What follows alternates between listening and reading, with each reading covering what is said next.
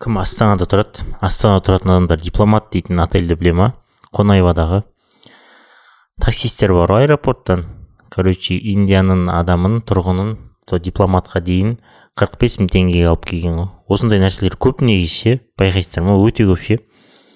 И ойлаймын да ыыы білмеймін ақша істегісі келетін шығар тағы бірдеңелер істегісі келетін шығар ше. Ну бопты ол жағы понятно енді. Бірақ соншама үстіне ақша қосып әшейін деймін да и мен білемін что бір елдер бар екенін мысалы өзінің адамдарына ә, мың теңгеге сатса бөтен адамдарға екі мың теңгеге сататын ше бопты. Енді егер де сенде яндекс такси үш мың теңге көрсетіп тұрса төрт мың бес мыңға ары кетсе алты мыңға апаршы. Бопты.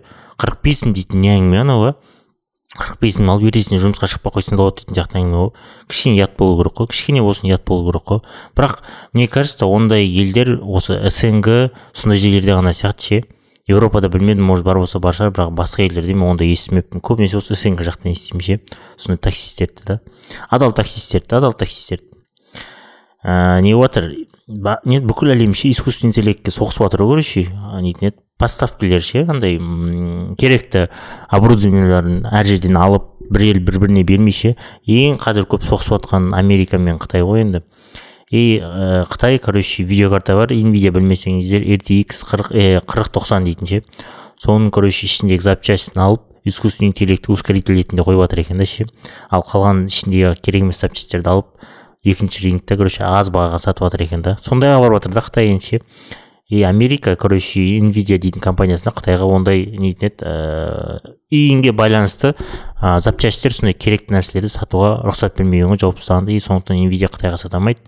Қытай короче сондай rtx дейтін видеокартаны пәленбай андай жинаған потом соны короче бұзып жатыр ғой енді ше а соның біреуін маған бере салғанда ғой мә жігіттер соның біреуін маған бере салғанда ғой rtx қырықта тоқсан по идее такси видеокарта но оның өзі болса жаман емес менде.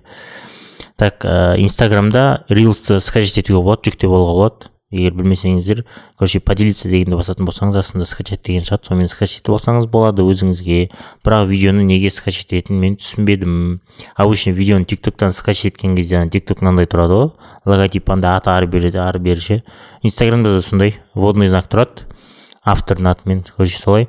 Оны не үшін адамдар скачать ететінін білмеймін ше мен ше ну егер де водный знак тұрмаса скачать етуге болады ал водный знакпен білмеймін неге скачать ететінін лучше ана адамға жібере салған сияқты инстаграмына или тик тогына ше. Инстаграм болыпты ыыы инстаграм бәрінде бар ғой инстаграмда жіберсе болады ал тик токта бәрінде бар еместер де бар.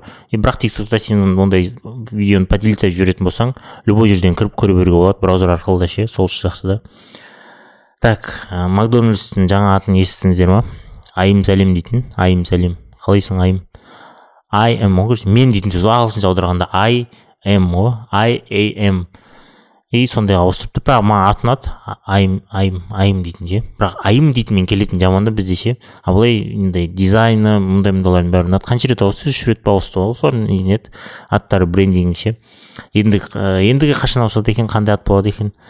Андай не дейтін еді ііі по аты негізі дұрыс ше. Кішкене қазақилық бар и американдық бар да ше. Андай екеуін тоғысқан жер екеуін қиылысқан жер деген сияқты ше. Короче көрдім мен былай интернеттен ғана көрдім. Ал былай макдональдстың жанынан әлі күнге дейін өтіп көрмедім. Бұл жаңалық шыққаннан бері осылай ауыстырғаннан бері әлі көрмедім. Андай сыртта шын көзбен өмірде көрген қалай көрінетінін білмеймін. Оның алдында адамдардың аттары болды. Сәлем мен александрмын сәлем мен бірдеңемін деген сияқты. Оны қойшы өткен аптада не болғандарын барлықтарың білетін шығарсыздар әсіресе технология стартап искусственный интеллект жайлы көп әңгіме айтатын адамдар. Е сэм альтман короче не үшін жұмыстан шыға жіберген? Ну жұмыстан короче дан не генеральный директордан не үшін босатқанына.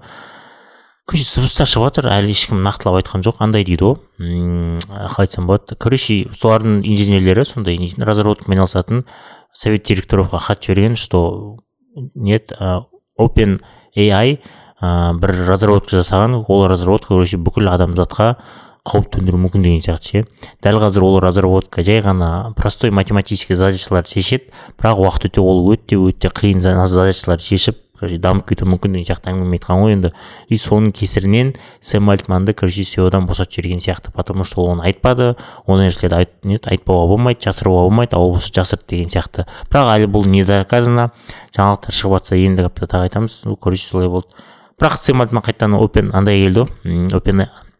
Опен айға сол жерде қайтадан сео болды. Походу совет директоровтың бәрі жоқ болады. Басынан совет директоров құрады. Короче компания құлайын құлайын деп қалды да короче қайтадан тұрып кетті. Ғой бірақ бір жағынан ше хайп хайп ұстап алды деп ойлаймын. Реклама болды тағы деп ше. Еще тағы бірдеңелер шығаратын болса вообще кететін сияқты. Ғой оны қойшы оның орнына жаңа директор болған тұғын твичтің бұрынғы не? Твичтің бұрынғы генеральный директоры совместитель сол основателі. Ол бір бір екі күн өтті ма бір апта өтті ма өтпады ма баяғы қайтадан кетіп қалды жұмыстан. Білмеймін оны алатын шығар может совет директор оны қойшы. Короче сорок семь ранеев дейтін көрген адамдар бар ма? Режиссер карл эрик ринш дейтін түсірген ол киноны. Сол режиссер короче сорок семь ранеев түсірген бірақ ол кинотеатрда қатты ақша жинамаған ғой сол короче ол нетфликске жаңа кино түсіретін болған да и сол киноға бюджет алған нетфликстен қанша бір жиырма жеті миллион ба или жоқ өтірік айтамын жиырма миллион ба короче он бес миллион ба бюджет алған соған түсірген короче ары бері потом тағы ақша жетпей қалған и тағы он бір миллион сұраған он бір миллион сұрап он бір миллионын короче ол почти полностью жаратқан төрт миллион инвестиция жасаған әр нәрсеге короче бизнес бизнес аналарға құйған. И доккоинге инвестиция жасап төрт миллион жиырма жеті миллион теңге пайда көрген ғой и сол жиырма жеті миллион жартысынан көбісіне роллс ройс қымбат заттар мебель үй машина ары бері сондайларға жаратқан. Қазір нетфликспен суйт етіп жатыр екен да договор бойынша. Олар маған бүкіл ақшаны беру керек бірдеңе бірдеңе е жоқ нетфликс оған типа сотқа берген а ол типа не бұл дұрыс емес. Бұл ақшалар маған тиесілі болған мен андай типа айлығым сияқты болған сияқты әңгіме айтып жатыр екен де. Вот осындай режиссер болу керек қой. Бәрін наебать етпей ақ кетесің. Оны қойшы. Россияда губернатор бар ғой. Россияның губернаторы бар екен. Х х м х м а о дейтін. Қалай расшифровка жасалатынын білмеймін. Наталья комарова дейтін. Сол айтыпты короче бүкіл чиновниктардың орнына ыыы иінді қойсақ болады искусственный интеллектті қойсақ болады деп ше? Нейросетті қойсақ болады. Жалғыз президент қана қалса болады депті да. Потому что чиновниктердің бүкіл жұмысын нейросет жақсы ақ атқарады дейді. По идее дұрыс нәрсе деп ойлаймын мен. Негізі былай қарайтын болсаң өйткені чиновниктер заң қабылдайды. Дұрыс заңды қабылдау керек дұрыс емес заңды қабылдамау керек. Сондай сондай деген нәрсе шешеді ғой кісілер негізі. Значит нейросет ондайды бір екі минутта шешеді и то оған айлық та бермейсің поддержаниесіне ақша бермейсің бензин құймайсың машинасына тамағын бермейсің. По идее дұрыс сияқты но жаңағы артық айтсақ сэм альтман компаниясы open айдың искусственный интеллект ойлап тапты дейді ғой математический задачалар шешеді деп ше жай ғана. Вот сондай искусственный интеллект болса правительствоны сол басып алатын болса короче егер фантазияны қосатын болсаң елмен елмен короче искусственный басқаратын сияқты болады. Нейросет ше? Адам емес ше?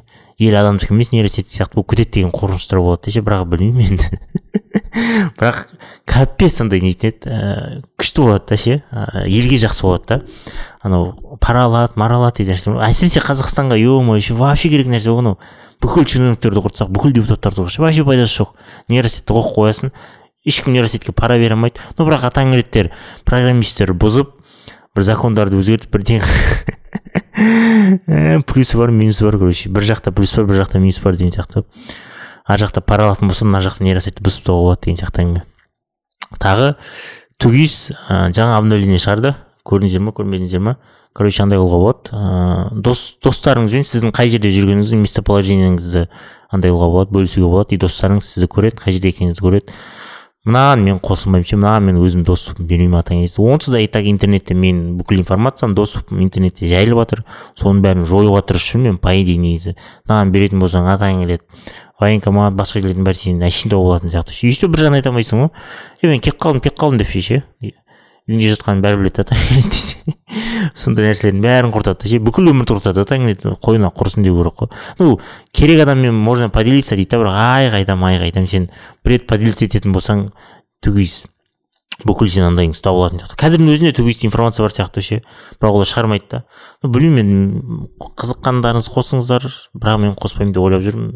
Ну көреміз енді. Бірақ қоспайтын шығармын скорее всего қоспаймын деп ойлаймын. Сол ыыы бүгіндікке қысқа жаңалықтар осы. Қалайсыздар амансыздар ма? Қайырлы күн қайырлы таң қайырлы кеш қайырлы түн күннің қай уақытысында тыңдап отырсыздар сол күннің қайырлысы? Менің есімім асхат. Бұл бояусыз арнасы біз мұнда мен мұнда өзіме қызықты кітаптар жайлы өзіме қызықты статьялар жайлы өзіме қызықты ойлар жайлы өзіме қызықты темалар жайлы талқылаймыз солар туралы айтамын. Ал кеттік. Бастайық. Қанша жылдар созбасын бәрібір керек асығыңа қорғасын. Неліктен жалғыз қаламын деп қорқасың. Бар ғой бар ғой сенің отбасың үйде. Отбасыдағы зорлық зомбылықтың түрлері. Өткендегі подкасттың екінші часы деп айтсақ болады. Соның зорлық зомбылықтың түрлері зорлық зомбылықтың мифтары туралы кішкене әңгіме айтамыз. Отбасылық зорлық зомбылықтың түрлері. Психикалық зорлық зомбылық дейді. Кеңес заманында бұл өте кең таралған ол көптеген адамдарда подсознание деңгейінде бекітіліп норма болып саналады. Жақында ғана қоғам оның не екенін түсіне бастады. Отбасындағы балаларға эмоционалды зорлық зомбылық туралы үнемі айқайлап ұрысу балаға бағытталған қауіптер оны мазақ ету оған қойылатын негізсіз талаптар куәлендіреді дейді. Сондайлар короче психологиялық зорлық зомбылық болып табылады. Сонымен қатар психологиялық тұрғыдан ата аналар оны қабылдамау немесе елемеу сондай ақ үнсіздікпен жазалау арқылы балаға әсер етеді. Әр адам дерлік бала кезінен осындай жағдайлардың бірнеше ә, үштігін еске түсіре алады. Егер бала үнемі ата анасының эмоционалдық зорлық зомбылығынан зорлық зомбылығын бастан кешірсе бұл сөзсіз кейінгі өмір бойы травматикалық із қалдыруы мүмкін дейді. Короче психологиялық зорлық зомбылық дейтін саған вообще қол ештеңе істемейді короче. Подсознанияңмен жұмыс істейтін нәрсе подсознание ұрған кезде де подсознание барады но вообще андай да короче. Саған ештеңе істемейді короче. Физиологиялық бірдеңе жағынан ше. Просто тупо андай. Экстрасенс сияқты андай саған әсер етеді да короче ше саған сөйлейді а жоқ сөйлейді деген айтпақшы саған сөйлеуі мүмкін боғау сөз айтуы мүмкін сені кінәлауы мүмкін ұрысуы мүмкін айқайлауы мүмкін или сөйлемей қоюы мүмкін сені елемеуі мүмкін саған көңіл бөлмеуі мүмкін осының бәрі психологиялық зорлық зомбылыққа жатады физикалық зорлық зомбылық бұны бәріміз білеміз физикалық зорлық зомбылық деген не екенін көбінесе ата аналар тәрбиелік ықпал ету шарасына ә, шарасы ретінде ұсынады дейді қанағат, қанағаттанарлықсыз оқуы мойынсұнбауы жаман мінез құлық және басқа да кінәсіздіктер үшін баланы ұрып соғу ұстау немесе итеру сондай ақ шымшу тістеу қолдарынан еріндерінен ұру шашты тарту нақты мысал ретінде мүмкін дейді. Балалық шағында физик, ә, физикалық зорлық зомбылыққа ұшыраған ата аналардың барлығы дерлік бұл мінез құлық стилін өз отбасына өз ә, отбасына ауыстырады және он оны өз балаларына тәрбиелік мақсатта пайдаланады дейді. Қайғылы салдары ә, бар физиологиялық зорлық зомбылыққа жылап жатқан ә, нәрестені шайқау тыныштандыру үшін жасады дейді. Қайғылы салдарларға дейді. Әрбір отбасыдағы балаларға физикалық зорлық зомбылық элементтері бар дейді. Кейбіреулері үшін мұндай тәрбие әдістері өте ауыртпалықсыз өйткені өсіп келе жатқан ағзаның икемді психикасы бейімделіп қайта құралады дейді. Мұның бәрі ата аналардың балаларына және зорлық зомбылық мәселелеріне қалай қарайтынына байланысты дейді. Психологиялық жарақат егер ересектер баланы ұруға болмайтынын түсінсе болмауы мүмкін. Бірақ стресстік жағдайға байланысты бірнеше рет қолын көтеруге болады деп санау дейді. Деструктивті әсер және өте жағымсыз салдарлар ата аналардың қатал авторитарлық ұстанымына негізделген дейді. Оның әртүрлі көріністерінде тұрақты физикалық зорлық зомбылыққа ие дейді. Мұнда бала ересектердің мейірімділігін ешқашан сезбейді дейді. Физикалық зорлық зомбылықты бәріміз сезген шығармыз. Қазақстанда барлығы сезген шығар деп ойлаймын. Бірақ бұл жерде видите егер де тұрақты ұратын болса автор өзінің авторитетін көрсететін болса бет алдыра беретін болса деген сияқты нәрселер дегенге көп ауып жатыр да. Вообще баланы ұрмау керек деп жатыр бірақ білмеймін мне кажется қиын. Мысалы айтып біз өткенде подкастта айттық қой біз. Егер де отбасыда не көресің содан кейін өзіңнің отбасыңа кіргізесің деген сияқты ше. Мені сабады емес мені сабады. Бірақ басымнан ұрмаған ешқашан.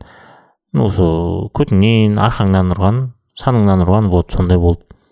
И ол кезде енді теуіп андай бытшын шығарып тастамаған. Енді аузың бәрін бытшын шығарып ондай болмаған. Просто бір екі рет дік дік еткізеді сондай болады да қой дейсің бірақ білмеймін балаға түсіндіру керек дейді да. Біздікілер может қалай айтсам болады түсіндіру әдістерін бірдеңелерін ізденуге ерінген шығар. Ең оңай әдіс короче бір екі рет зік еткізіп жіберсең мәңгі бақ есінде қалады деген сияқты әңгіме болатын шығар. Ну менде бұндай болған короче інім өте бұзық болған да и айтқанды вообще тыңдамаған вообще тыңдамаған не айтса не қылса да короче қайтадан соны істей береді істей береді. И бір күні короче қаңғып кетіп қалған ғой қаланың сыртында бір өзен бар сол жаққа кетіп қалған ғой ана алыс өзен ше бір он километрдей жер ма сондай алты он километрдей жер ғой сол жаққа бір өзі кетіп қалған еще ол әлі кішкентай бала келеді ше. Бесінші бесте ма или алтыда ма вот сондай жаста или одан кішкене шығар вот сөйтіп кеткен кезде бәріміз іздегенбіз папа жынданған вот сол кезде сол кезде папа ұрыспады ұрмады или ұрды ма есімде жоқ но ыыы таяқты ұстап андай андай айтқанын білемін что енді бір жерге баратын болсаң ана таяқты көрдің ба деп ше сол таяқ сенің көтіңе тиеді деп айтқан тұғын. И содан кейін інім мен сондай алыс жақтарға бармайтын болды. Алдында вообще тыңдамайтын еді содан кейін сол, сол қимылды істемейтін болды алыс жақтарға бару дейтін нәрсені ше. Вот сондай пайдасы бар шығар деймін да. Бірақ бұл жерде тонкая грань болып тұр ғой. Баланы күніге ұрмау керек бет алдырмау керек. Жаңағыдай бір бір мақсаттармен ұру керек па ше бұны түсінбедім мен бұны психологияны қатты зерттеген адамдармен сөйлесу керек сияқты. Бірақ маған берсе мен көтен айынан бір екі рет бүйтіп дік дік жіберетін шығармын. Егер бала бірдеңеге байланысты тыңдап құлақ алмайтын болса былай бет алды ұру дейтін менде болмайтын сияқты отбасында жыныстық зорлық зомбылық дейді.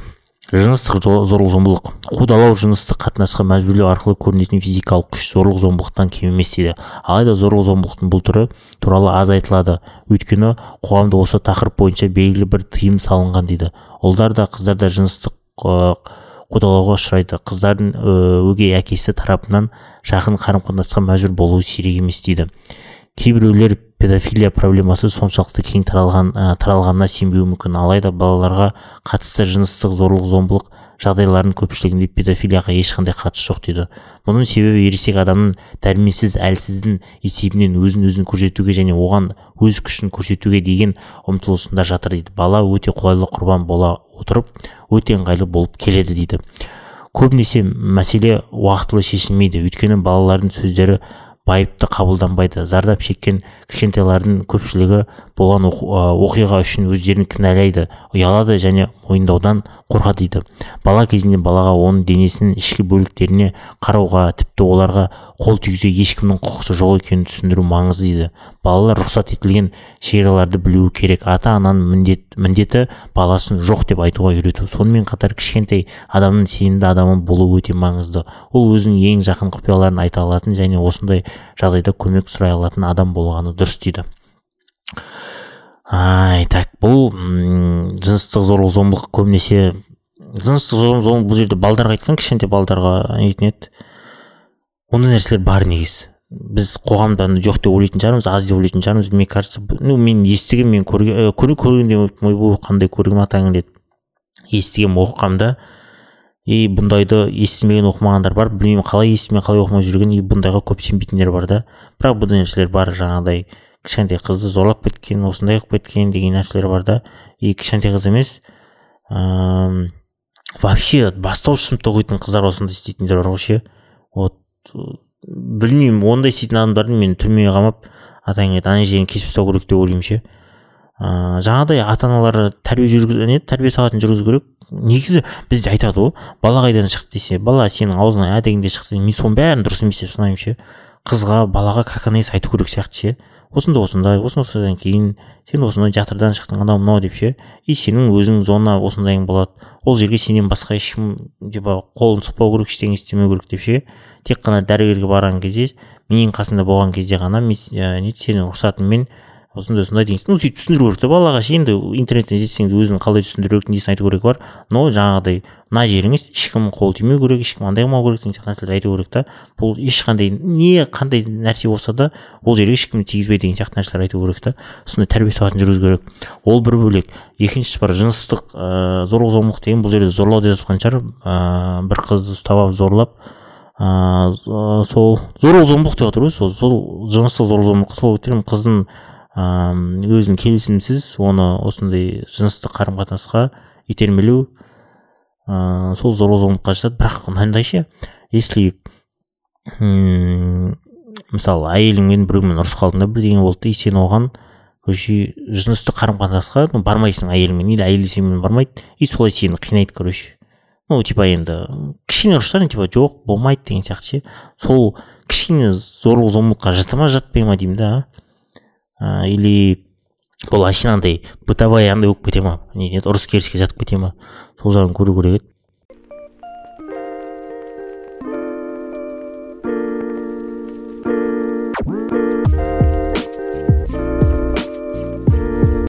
Отбасындағы зорлық зомбылық туралы жеті миф дейді.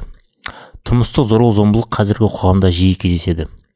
Шын мәнінде орташа отбасылардың көпшілігінде зорлық зомбылық жоқ. Өйткені қоғам мәдениетсіздіктің өркендеуімен сипатталатын өткеннің барлық қалдықтарын қал- қалдырып дамып келеді.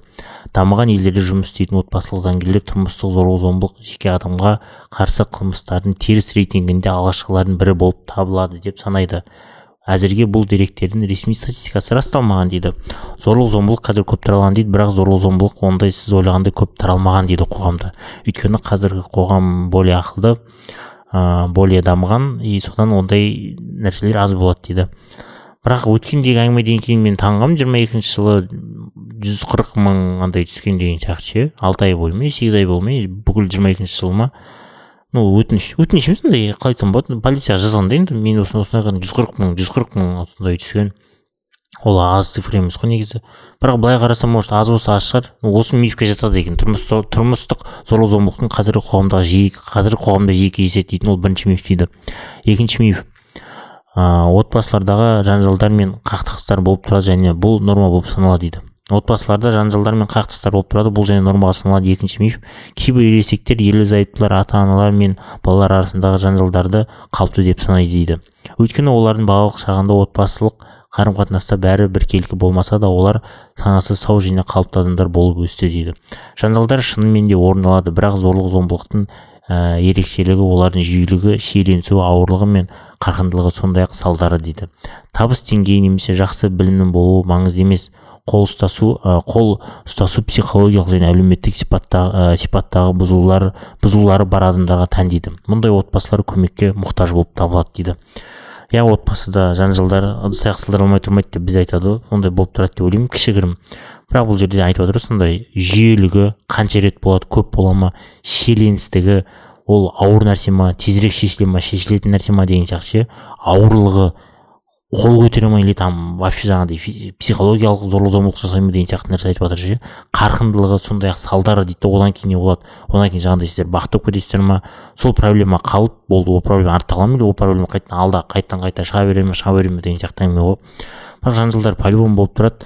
Ол жанжалдарды шеше алатын отбасы ғана бақытты болады. Негізі ол енді жанжал жанжал деп бұл жерде енді. Үлкен жанжал емес қой енді. Жаңағыдай мини жанжалдар болады. И соларды шешуге тырысу керек та. А вот жаңағыдай үлкен жанжалдар болатын болса ол кезде қиын короче ондай жанжалдар болмас үшін алдын ала дайындалып тұрмысқа шығу керексіздер бірақ жанжалдар по любому болады деп ойлаймын. Өмір болғаннан кейін адам болғаннан кейін бір бір бір біріне түсініспеушілік дейтін болады. Ол адаммен сен жиырма жыл тұрсаң де отыз жыл тұрсаң да адамдар отыз жыл жиырма жыл сайын өзгереді сондықтан да өзгергендіктен жанжалдар болып тұрады. Вообще не дейтін еді андай қылу керек дейді ғой әйеліңнен вообще жылына бір үш рет сұрап тұру керек. Неге қызығасың не ұнайды бір типа не ұнамай қалды деген сияқты. Өйткені адамдар өзгереді да көзқарасы өзгереді ұнайтын нәрселер өзгереді. И соған байланысты сенің де әйелің де отыз жылда отыз рет өзгереді ше? И сен де отыз жылда отыз рет өзгересің әйел де күйеу де бір бірінен сұрап сондай интервью жүргізу керек та. Короче әйелің өмірінде не болып сен білу керексің әйелі күйеуінің өмірінде не болып білу керек қой. Үйлену тойынан кейін зорлық зомбылық болмайды дейді. Көптеген адамдар егер олар үйлену тойынан кейін бәрі түбегейлі өзгереді ал ерлі зайыптылар сенімді қарым қатынас орнатады. Бір бірін қажетсіз а, бақыламайды және ұсақ түйек нәрселерден бас тартады деп ойласа қателеседі дейді. Жылдар бойы қалыптасқан әдеттер бір сәтті ә, жылдар бойы қалыптасқан әдеттер бір сәтте жойылмай- жойылмайды. Өйткені олар жеке тұлғаның негізгі компоненттерінің бірі болып табылады. Оны өзгерту мүмкін емес. егер адам өзгеруді өзгерткісі келмесе дейді. Қажетті мақсатқа жеткеннен кейін яғни неке, некеге тұру зорлық зомбылық көрсетуге бейімділігі бар адам өзінің дұрыстығына және өз әдістерін қолдана отырып жоспарланған жоспарла, жоспарлан, жоспарланғанға қарай жылжу қабілетіне деген сенімдігі артады дейді. Мақсаттардың мақсаттардың жойқын сипаты және олардың күшеюі сөзсіз зорлық зомбылықтың жалғасуына келеді дейді. Мен түсінбедім ыыы үйлену тойынан кейінгі зорлық зомбылық болмайды дегенге как это сонда үйленуге дейін саған зорлық зомбылық көрсеткен адамға сен тұрмысқа шығасың ба? Не болды сонда ол сонда ондай ондай болмау керек қой негізі. Егер де саған до зорлық зомбылық көрсетіп жатса сол мезетте тайып қал деген сияқты әңгіме ғой. Бауырым қарындасым досым олай болмайды негізі ол. Бірақ ыыы ол адам өзгермейтін әлі жатыр. Ол адам өзгермейді. Егер ол адам саған зорлық зомбылық көрсетпесе де бірақ сондай нәрсесі болатын болса зорлық зомбылық көрсететін бір красный флагтар болатын болса и оның айтқан бола беретін болса бола беретін болса бола беретін болса ол саған зорлық зомбылық көрсетпейді. Ал бір күні оған айтқан болмай қалатын болса саған зорлық зомбылық көрсетуі мүмкін деп жатыр сондықтан да егер де саған жүріп жүрген кезде зорлық зомбылық көрсететін болса онда ол адамға тұрмысқа шықпай ақ қой давай до свидания деген жақсы.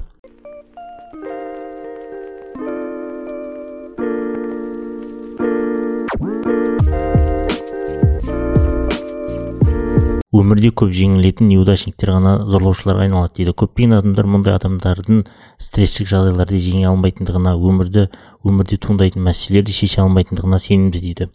Тирандар тек өз отбасында ғана емес сонымен қатар әріптестеріне көршілеріне қоғамдық көліктегі серіктестеріне және басқа да адамдарға қатысты зорлық зомбылық әрекеттеріне жүгіне алады дейді.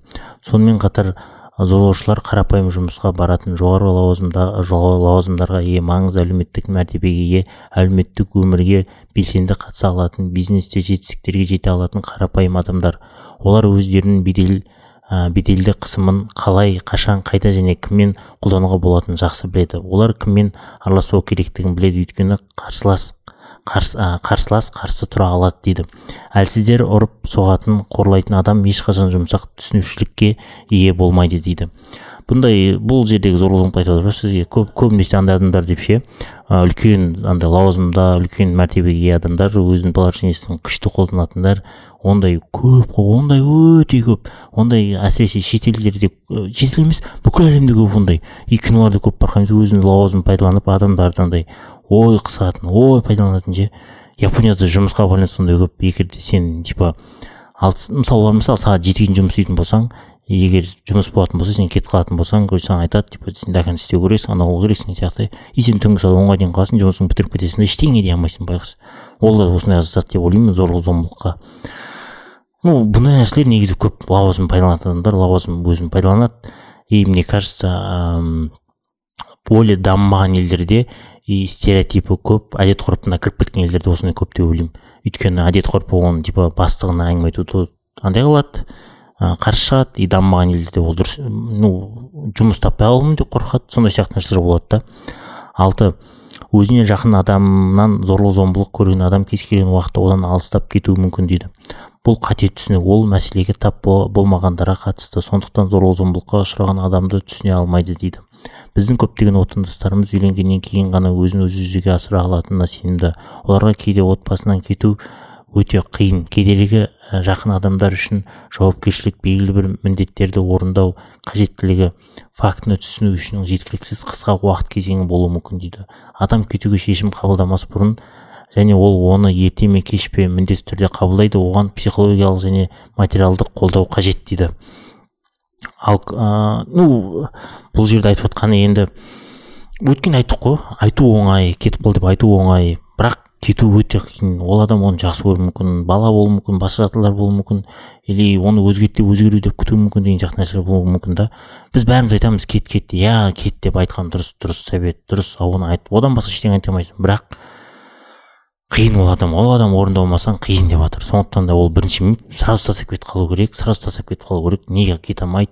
Кете салу оңай ғой деген сияқты әңгімелер. Бәрі өтірік дейді кету қиын дейді әртүрлі жағдай болады деп жатыр жеті алкоголь зорлық зомбылықтың себебі болып табылады дейді.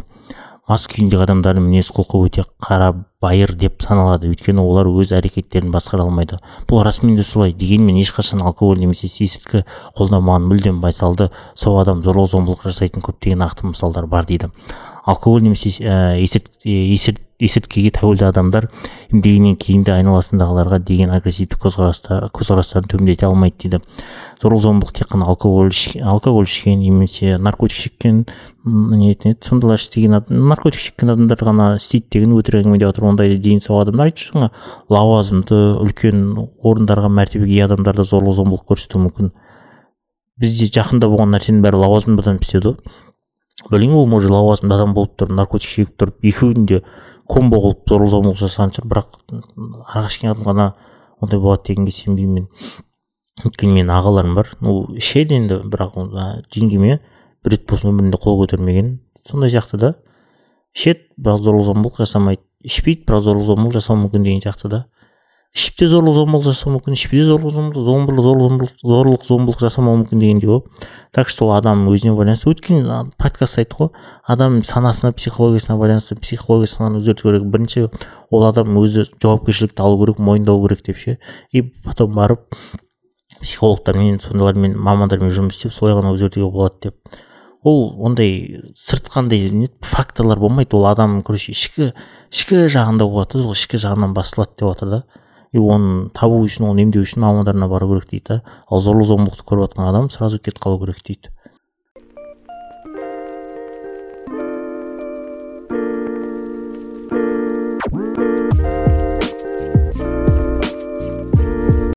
все осымен зорлық зомбылықтың екі, екі бөлімін аяқтайық соңғы сіздерге айтарым зорлық зомбылық дейтін үлкен нәрсе ғой отбасыда. Өткенде әйелдер жайлы айттық бүгін кішкене балдар жайлы айттық ше. Зорлық зомбылықтан не только әйелдер балдар да зорлық зомбылық көруі мүмкін әйел адам да көруі мүмкін ер адам да көруі мүмкін ондайлар да бар. Бірақ аз шығар енді бірақ ондай да болуы мүмкін. Сондықтан да бірінші отбасы құрмай тұрып өзіңізді психологиялық емдеп ә, курстардан өтіп өзіңізді дамытып солай отбасы құрыңыздар. Кейін балда, бал, балдарды осознанно өмірге келіңіздер бала деген бір себепте жағдайда өмірге келмеу керек. Бала деген махаббатта өмірге келу керек. Вот махаббатта келген балаға сен көп көңіл бөлесің махаббатпен өмір сүресің. Өйтіп өскен бала өте нетін еді сау санасы да бәрі де сау болып өседі және болашақта бір жетістіктерге жетеді. Болашақта жетістік дегенде ол өте бақытты адам болатынына мен сенімдімін. Ол махаббат оны өмір бойы жетелеп жүреді да қолынан ұстап ше. И ол всегда өзін сондай бақыт сезінеді. Біз ойлаймыз ғой что ата аналар мысалы балам осындайға беру керекпін балам өйту керекпін балам бүйту керекпін балам осындай қылу керекпін деп ше. Баланы жақсы жақсы қылу үшін бір ақша керек бірдеңе сатып алу керек болып тұрады да всегда ше. Не ол дұрыс деп ойлаймын оған қарсы емеспін. Бірақ балаға ең құнды нәрсені ең керек нәрсені тек ата анасы ғана бере алады. Олардың қалғаны бәрі второстепенный нәрсе болып табылады. Не олар да плюс береді. Но бірақ тоқсан пайыз сексен пайыз балаға жақсы әсер ететін беретін ол ата анасы вот ата анасы баласына беруге тырысу керек. Вот өзі беретін нәрсені сырттан іздемей. Ата анасы өзі дұрыс бергеннен кейін жаңағыдай үйірме бірдеңе ештеңелер барып үйрене берсе болады. Вот балдарға қатысты болса вообще бала тәрбиесіне жақсы көңіл бөлу керек. Бізде бала тәрбиесіне жақсы көңіл бөлу дейтін өте өте жаман өте дұрыс дамымаған ше. Барлығы сол жұрт қалай тәрбиелейді солай тәрбиелейміз дейді да баланы өйтіп тәрбиелеуге болмайды.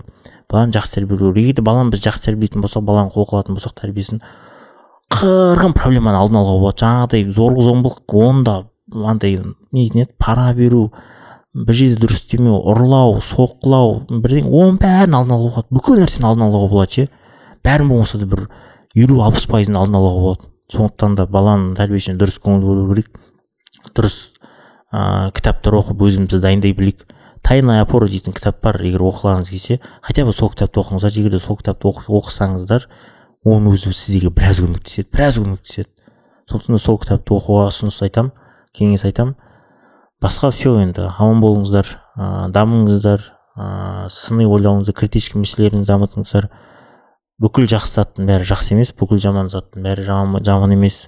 Ә, және бұл өмірде өз өзіңізді сақтап қалуға тырысыңыздар қоғам айтқан біреулердің айтқанымен жүрмей өз өзіңізді сақтап қалуға тырысыңыз және всегда всегда жүрегіңіздің айтқанын тыңдап всегда всегда дұрыс тірлік жасауға ыыы дұрыс нәрсе жасауға тырысыңыздар.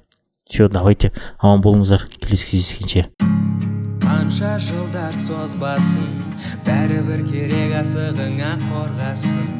Неліктен жалғыз қаламын деп қорқасың бар ғой бар ғой сенің отбасың үйде.